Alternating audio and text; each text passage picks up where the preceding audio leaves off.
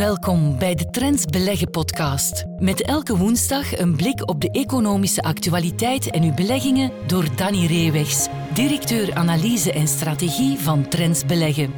Deze podcast kwam tot stand met de gewaardeerde steun van Keytrade Bank, de onbetwistbare marktleider in online trading in België.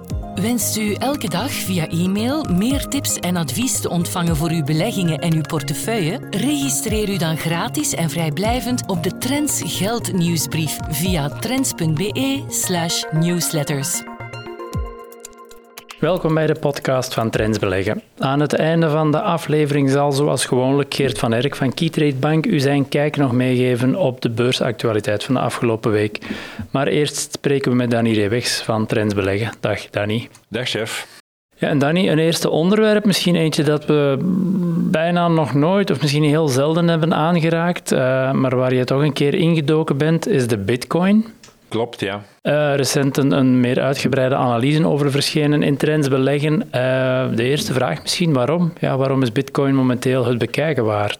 Ja, is toch wel heel wat bus terug uh, rond, is toch wel heel wat aandacht. En dat heeft dan te maken met dat uiteindelijk toch ook de Amerikaanse beurswaakhond, de, SEC, hè, de, mm -hmm. de, toezichtsorgaan, na lang, na veel vijven en zessen, na lang aarzelen, dan toch heeft toegelaten dat er een ETF, een tracker, ja. op de spot bitcoin bitcoin uh, mag uh, toegelaten is. Mm -hmm. uh, in Europa was dat al langer wel toegelaten. Ja. Dat, is, dat, gebeurt niet vaak dat uh, de regulering voorop loopt in Europa ten opzichte van Amerika. Maar de SEC ja, heeft toch, was ook heel veel kritiek, stond onder heel wat druk ook van uh, de Federal Reserve bijvoorbeeld, om daar toch uh, mee op te letten. Ja. Maar uiteindelijk is het goedgekeurd en dat kan wel eens zijn dat dat dan de next driver is. Hè, de, dat mensen zeggen, oké, okay, nu is de, gaan we toch over die drempel ja. om in bitcoin te beleggen.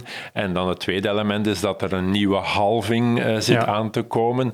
Dat wil zeggen, ja, een nieuwe halvering, dat je dus een extra of minder beloning, maar de helft van de beloning krijgt om bitcoins te mijnen. Tot nu toe was dat 6,25 bitcoin ja. per 10 minuten en dat gaat nu naar 3,125 in het voorjaar. Maar we zien altijd in aanloop naar daarvan, want ja, dus het aanbod wordt eigenlijk uh, beperkt, ja, ja. de toename van het aanbod wordt beperkt.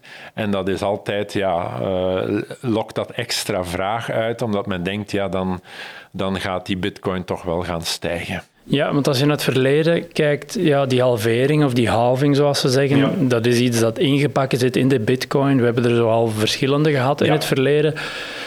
Eén is de analogie te maken met de halvings uit het verleden en, en wat kunnen we daar dan uit, uit, afleiden of uit leren? Ja, het is de vijfde halving. Hè. De eerste was in 2009 en dan eigenlijk zowat om de vier jaar. Mm -hmm. En hebben we gezien ja, dat toch een bepaalde cyclus daar rond uh, gebouwd is. Dat is dat het begint te stijgen in aanloop ervan en dan in de eerste periode daarna uh, ja, dat we een forse stijging zien van, de, van deze cryptomunt, hè, van deze belangrijkste cryptomunt. Ja. Om dan even spectaculair terug te vallen uh, in de tweede fase, in de tweede periode van uh, tussen die halvings. Dus eigenlijk twee geweldige jaren en dan twee uh, minder of zelfs slechte jaren. Ja. alleen moeten we nu zien, ja, de vorige keer was dat altijd dat die halvings samenvielen met een zeer expansief monetair beleid van de centrale banken, wat denk ik toch wel geholpen heeft. Hè. Ja. De liquiditeit heeft voor een stuk ook zijn weg gevonden bij die nieuwe munt, bij die cryptomunt, wat toch iets exotisch, iets speciaal was. Ja. En dat is natuurlijk nu niet te verwachten, dat het monetair beleid nu heel expansief zal zijn. Nee. In het beste geval krijgen we rente, renteverlagingen. Dus dat is te zien of het even spectaculair zal zijn als de voorgaande keren. Ja, tuurlijk. Nu, fundamenteel lijkt me het iets, een, een activa klasse die, die je fundamenteel heel moeilijk kunt analyseren. Maar zoals je zegt, ja. sentiment uh, zit in de lift, er is heel wat momentum rond. Zijn er bepaalde technische indicatoren, want je hebt ook de technische analyse ja. en gewoon het klassieke beleggen. Zijn er bepaalde technische indicatoren die ons iets kunnen vertellen rond het sentiment en het momentum in, in, rond Bitcoin? Ja, dus het sentiment is duidelijk terug aan het verbeteren. Er is duidelijk momentum gecreëerd, mede door de SEC uh, tegen eigen wil in, omdat ja, hun timing nu ook zit net in die aanloop naar uh, de volgende, volgende halving. Maar je ziet dat ook in de technische analyse, wat men dan noemt de relatieve sterkte-indicator, de RSI. Ja. die zakt altijd heel diep weg. Momenten dat er geen interesse meer is voor de bitcoin, dus meestal na drie, drie jaar mm nadat de vorige halving is, is gebeurd, hè, dan zitten we meestal tussen 20 en 30. En ik denk dat we in het najaar of naar eind vorig jaar toe uh, ja, rond 28 zaten. En je ziet dat die relatieve sterkte-index, die RSI, toch wel is gaan oplopen. En dat we al, in de, al even boven de 50 zijn, uh, zijn geweest. Uh, nu wat teruggevallen tot 48. Ja. Uh, sinds de goedkeuring is er wat verkoopdruk geweest. Maar de vorige keren dat de bitcoinprijs naar eh, de piek ging, we zaten met RSI's van in de 90, wat zeer uitzonderlijk is. Dus zelfs een keer 95, vorige keer denk ik 1 of 92. Dus er is denk ik nog wel marge om nog bijkomend momentum te creëren. Dus dat is iets dat ja, technische analisten of bitcoin-liefhebbers toch wel doet dromen van duidelijk nog hogere koersen. Ja. ja, en we merken natuurlijk ook op de redactie wanneer er momentum is en het sentiment keert, ja, groeit de interesse van, van, van iedereen, van gewone beleggers ook. Als je het nu in, in het bredere perspectief van een, van een gewone doorsneeportefeuille plaatst en, en je bent toch aan het kijken naar bitcoin ja, welk aandeel, welk percentage van je portefeuille zou je daar dan aan kunnen toekennen als je de gok wilt, de gok, misschien mag ik het zo niet zeggen, maar als je de stap wilt wagen? Ja, we hebben altijd op dat vlak een duidelijk standpunt gehad. Dat is, ja, doe dat dan voor 1 à 2 uh, procent van je portefeuille. Ja. Uh, en ga ervan uit, ja, kijk dat het nul kan worden en ga ervan uit dat je dat kunt verliezen. Ja. Um, omdat ja, van alles kan gebeuren. Het kan verboden worden, bij wijze van spreken. Allee, dat is nu natuurlijk, die kans is natuurlijk nu wel minder, maar fraude en dergelijke kunnen dusdanig een rol gaan, gaan spelen dat je daar toch moet van uitgaan. Ja, de, de, de reële waarde is eigenlijk nul of, of ja. quasi nul, dus dat kan. Maar aan de andere kant hebben we ook gezien ja, dat als de bitcoin een opgaande trend kent, dat die ook ja, heel fors is. Dus dat betekent ook als je die 1-2% regel respecteert, dan kan toch zoiets dat bijvoorbeeld meer dan 100% stijgt in, in 1, 2 jaar tijd, ja, kan dat toch een, een, een bijdrage leveren aan je gemiddeld rendement. Dus het mhm. kan uw rendement niet compleet onderuit halen als, eh, als het toch, ja, op ja. uw timing toch slecht is, verkeerd is. Aan de andere kant ja, heeft het toch een bijdrage tot uw, uh, tot uw rendement, omdat we gezien hebben, ja, een, een stabiele uh, cryptomunt, een stabiele bitcoin, dat hebben we nooit gekend. We hebben de twee scenario's, ofwel is het tientallen procenten naar boven elk jaar, ofwel is het tientallen procenten naar beneden. Iets tussenin, een jaar waarin de bitcoin tussen min en plus 10 bewogen heeft. Nee, dat is er tot nu toe nog nooit geweest. Nee, nee, nee. wees daarop voorbereid. En voor beleggers die er zich toch aan willen wagen, die kunnen in jouw stuk of op de website terecht hoe ze dat kunnen doen. Uh, je vermeldt ook een bepaalde tracker waarmee ze dat kunnen doen. Dus ja, daar, want, allee, dat wil ik er toch nog aan toevoegen. Ja, doe niet rechtstreekse investering in, in bitcoin omwille van de risico's van fraude. Dat je broker kan uh, failliet gaan, dat je je toegangscode niet meer weet, ja, dan ben je het kwijt.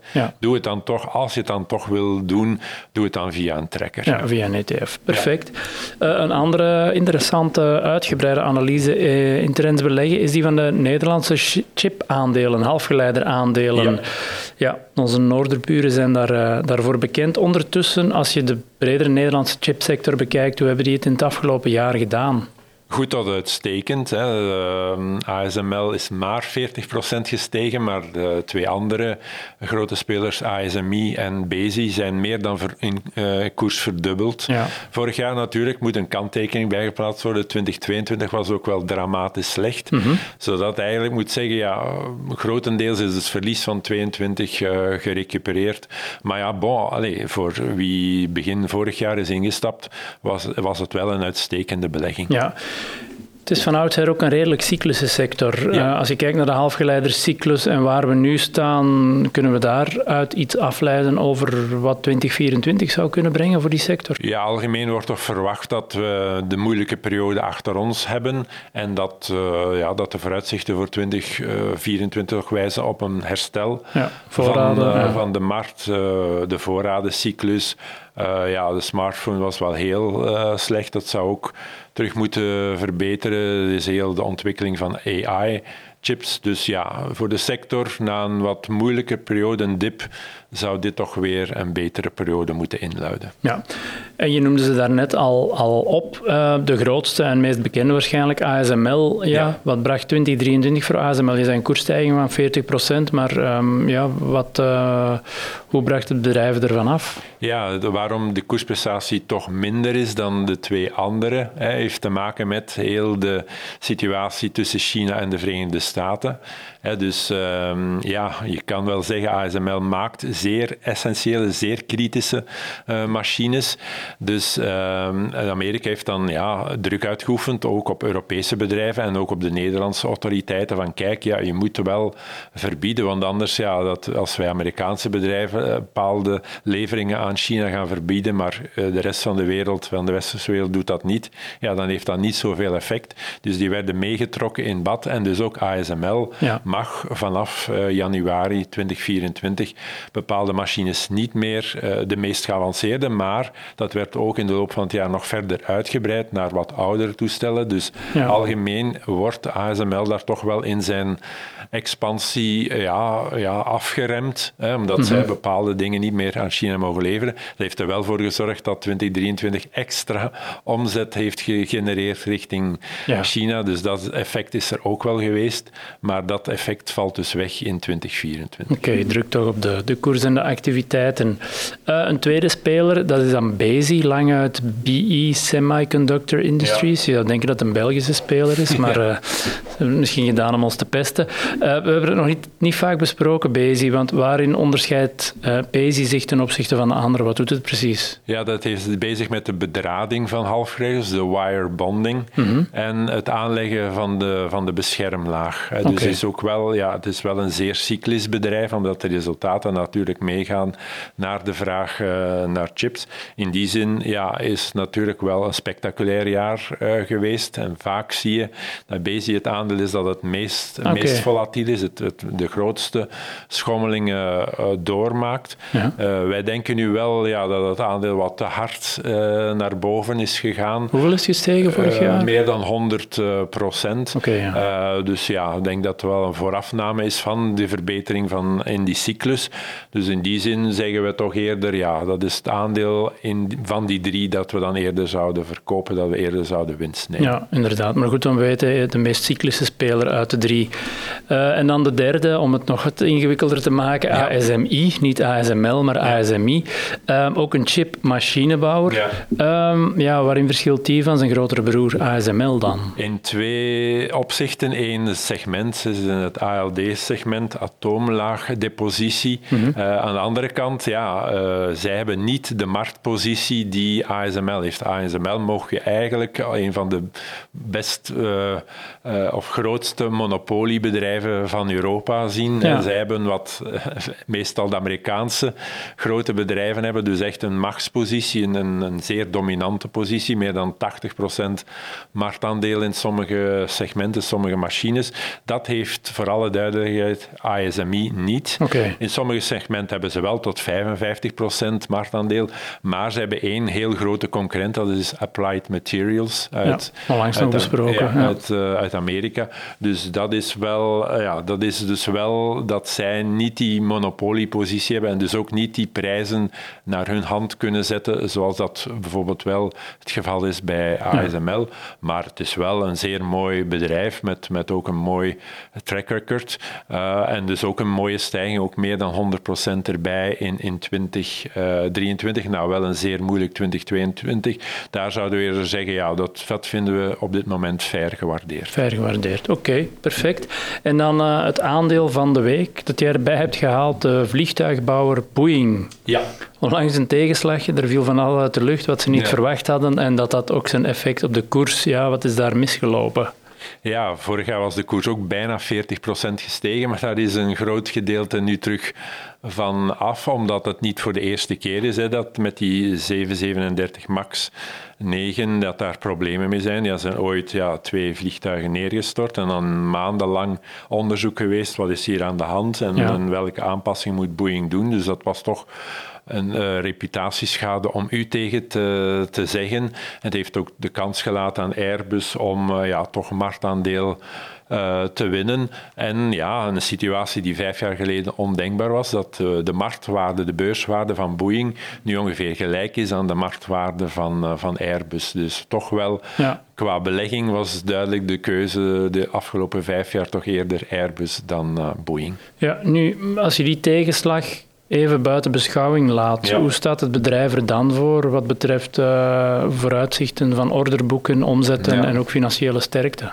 Ja, dat is nu net het probleem ook. Uh, dat mag hen overkomen. In vele andere sectoren zou dat een ramp zijn, hè, want dan zou iedereen weglopen mhm. naar uh, de concurrentie. Nu, in dit segment is er eigenlijk maar één noemenswaardige concurrent. En we hebben het al besproken, dat is uh, Airbus. Ja. En natuurlijk, luchtvaartmaatschappijen willen ook niet maar uh, gebonden zijn aan één speler. Dus sowieso, Boeing en Airbus blijven heel wat orders krijgen. En eigenlijk heeft... Uh, Boeing nog altijd het fabelachtig uh, orderboek van 6000 toestellen in de passagiers uh, sector, segment alleen. Dus ja, omdat iedereen gelooft, al die maatschappijen, van kijk, uh, ja, de, de, het luchtverkeer blijft maar toenemen. Hè, dus vooral door in Azië en dergelijke. En dat is ook zo, hè, want uh, na een moeilijke periode met corona en dergelijke, ehm, was het toch het aantal, het vliegverkeer toch wel teruggevallen. Maar 2023, 2024 zullen we nieuwe records zien. De groei wordt verwacht tussen 5 en à 10% gemiddeld per jaar. Vandaar dus dat het orderboek van Boeing nog altijd heel goed gevuld is. Maar aan de andere kant niet, uh, mogen we ook niet vergeten, allez, naar het aandeel kijkende, ja, dat de financiële positie wel danig verzwakt is door de combinatie van corona en al die problemen. Ja. Uh, heeft Boeing toch weinig of geen winst gemaakt de afgelopen uh, jaren. Hebben ze ook het dividend moeten schrappen, het inkoopprogramma van eigen aandelen. Okay dat ze toch een, een zware uh, schuldpositie meedragen. 39 miljard dollar is niet weinig natuurlijk. Dat orderboek compenseert veel. Maar mhm. het uh, laat toch niet toe om alles uh, zomaar te doen door Boeing. Dus in die zin ja, is er toch ook wel schade geweest de afgelopen jaren. En dat dat beter allemaal niet gebeurt. Ja, een zeer gemengd beeld, ja. kortom. Nee, voor deze week ben je heel hard bedankt voor jouw kijk op al die zaken. En graag tot de volgende keer. Tot volgende keer. Dag. We luisteren nu naar Geert van Herk, Chief Economist van Keytrade Bank, met zijn analyse op een aspect van de economische actualiteit. Hallo iedereen en welkom bij onze wekelijkse bijdrage aan de Trends Beleggen podcast. In de podcast van vandaag wens ik even stil te staan bij bekende Belgische Vlaamse ondernemers die een belang nemen in een beursgenoteerd bedrijf of die met hun eigen kapitaal een beursgenoteerd aandeel op de Bel 20, de Bel Mid, de Bel Small Cap overnemen. Vaak wordt dat ook breed uitgesmeerd in de pers, in de media, krijgt heel veel positief nieuws. En een aantal ja, gevallen kwamen bij mij in het hoofd op. En ik dacht van ja, waarom daar eens niet iets over vertellen in deze podcast? Eerste voorbeeld is Barco. Barco is een aantal jaar geleden overgenomen, of toch ja, de nieuwe meerderheidsaandeelhouder werd uh, Charles Baudouin. Dat is een bekende West-Vlaamse ondernemer eigenaar van een zeer succesvol textielbedrijf, Van de Wiel, die weefmachines maken voor de textielindustrie. Dus iemand met een, een zeer goede track record, uh, waar ook heel veel van verwacht werd bij die instap in Barco. Maar als we de afgelopen jaren natuurlijk die koers van Barco zien, ja, die heeft natuurlijk sterk uh, teleurgesteld over de redenen waarom Barco zo slecht gepresteerd heeft. Ja, is misschien iets voor een andere podcast, maar ik wil maar zeggen, Charles Baudouin neemt dat bedrijf over, krijgt heel veel aandacht in de pers, is ook een zeer gereputeerde ondernemer. En heel veel beleggers uh, zullen dan ook zeggen, ja, als die met zijn eigen geld in dat bedrijf stapt, dat getuigt van heel veel visie. Dus die man zal ook wel iets weten en die zal het potentieel van dat bedrijf wel kennen. Dus ja, dat is positief. Ik ga dat ook volgen, ik ga dat voorbeeld volgen en ik ga bijvoorbeeld ook dat beursgenoteerd aandeel uh, in portefeuille nemen. Maar zoals ik daarnet ook al zei, u hebt ook gezien, denk ik, wat er met Barco de afgelopen jaren uh, gebeurd is. Dus de instap van Charles Baudouin is geen automatische garantie dat de koers van het aandeel in, de, daaropvolgende periode, maanden, kwartalen, jaren, zeer sterk uh, zal presteren. Tweede voorbeeld, Luctac. Luctac heeft was aandeelhouder bij Picanol, heeft Picanol samengevoegd met Tessenderlo. Tessenderlo een, veel, een, zeer groot beursgenoteerd bedrijf, toch zeker in uh, vergelijking met Picanol. Dus toen Luctac instapte in Tessenderlo, opnieuw heel veel aandacht in de pers. Uh, is natuurlijk ook een zeer, zeer uh, goede ondernemer, ook een geweldige staat van dienst, een geweldige cv. Dus opnieuw dat getuigde van heel veel ja, inzicht, strategie. Voilà. maar opnieuw, ik denk als we naar de koers kijken van Tessenderlo Chemie de afgelopen jaren, ja, dat is toch ook denk ik, iets niet om onmiddellijk ja, zeer vrolijk van te worden. Ik heb in deze podcast in het verleden ook al vaak gesproken over dat potentieel van Tessenderlo, dat toch ook gericht is op een aantal ja, echt wel groeisegmenten voor de komende jaren. Denk maar aan duurzame landbouw, en meer produceren op minder beschikbare landbouwgrond. Daar zijn krachtige meststoffen voor nodig en die produceert... Uh, de toch wel. Dus opnieuw daar ook, hè, als u ziet, Luc Tak, iemand met ja, zoveel ervaring, zo'n geweldige staat van dienst, zo'n geweldig cv, als hij dan instapt in uh, Tessenderlo Chemie zijn heel veel, denk ik, ook beleggers geneigd om dat voorbeeld te volgen. Maar opnieuw, ik denk hier, denk ik ook dat er nog niet echt heel veel plezier te beleven geweest is aan, uh, aan Tessenderlo Chemie. Er zit natuurlijk wel op basis van de waardering uh, heel veel potentieel voor de komende jaren. Dus ik blijf dat aandeel ook wel zeker uh, volgen. Uh, mocht daar in de toekomst nog nieuw, nieuws over komen, zullen we daar misschien ook in deze podcast over spreken.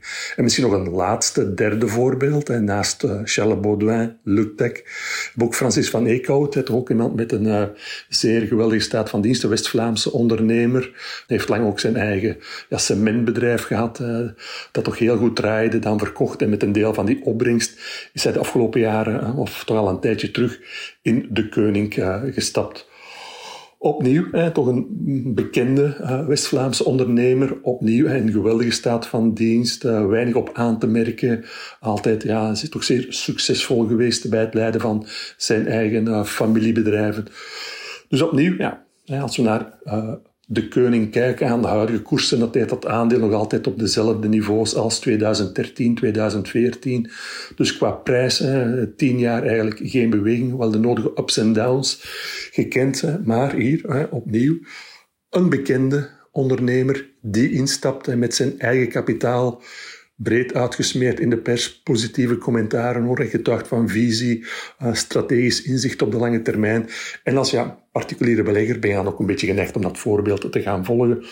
Maar opnieuw, ja, natuurlijk van je instapniveau, en die koers van uh, de koning is nu niet, eh, moeten we toch zeggen, niet echt ontploft of zeer sterk gestegen uh, na de instap uh, van, van Eco. Dus opnieuw, het zijn een drietal voorbeelden. Opnieuw denk ik dat heel veel beleggers uh, daar toch wel belang aan hechten. Wie is die aandeelhouder? Is dat iemand met een staat van dienst?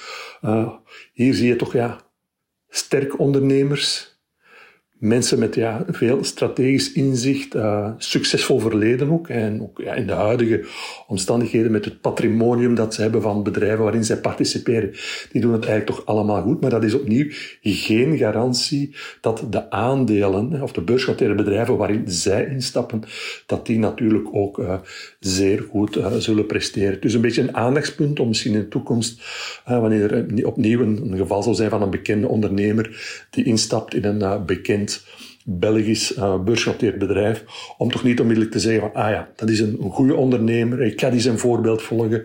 Dus ja, uh, analyseer ook eens een beetje het bedrijf waarin er belegd wordt. Kijk ook een beetje naar die lange termijn trend. als die dalend is en de koers reageert ook niet direct zeer explosief, kan je misschien toch beter wat afwachten om dan te zien van ja, zitten we nu duidelijk opnieuw in een stijgende trend. is het aandeel nu vertrokken, ja of nee? alvorens zelf in te stappen. Goed, dat was het voor deze week. We spreken elkaar opnieuw volgende week. Wenst u elke dag via e-mail meer tips en advies te ontvangen voor uw beleggingen en uw portefeuille? Registreer u dan gratis en vrijblijvend op de Trends Geld nieuwsbrief via trends.be/slash newsletters. Deze podcast kwam tot stand met de gewaardeerde steun van Keytrade Bank, de onbetwistbare marktleider in online trading in België. Volgende week zijn we opnieuw.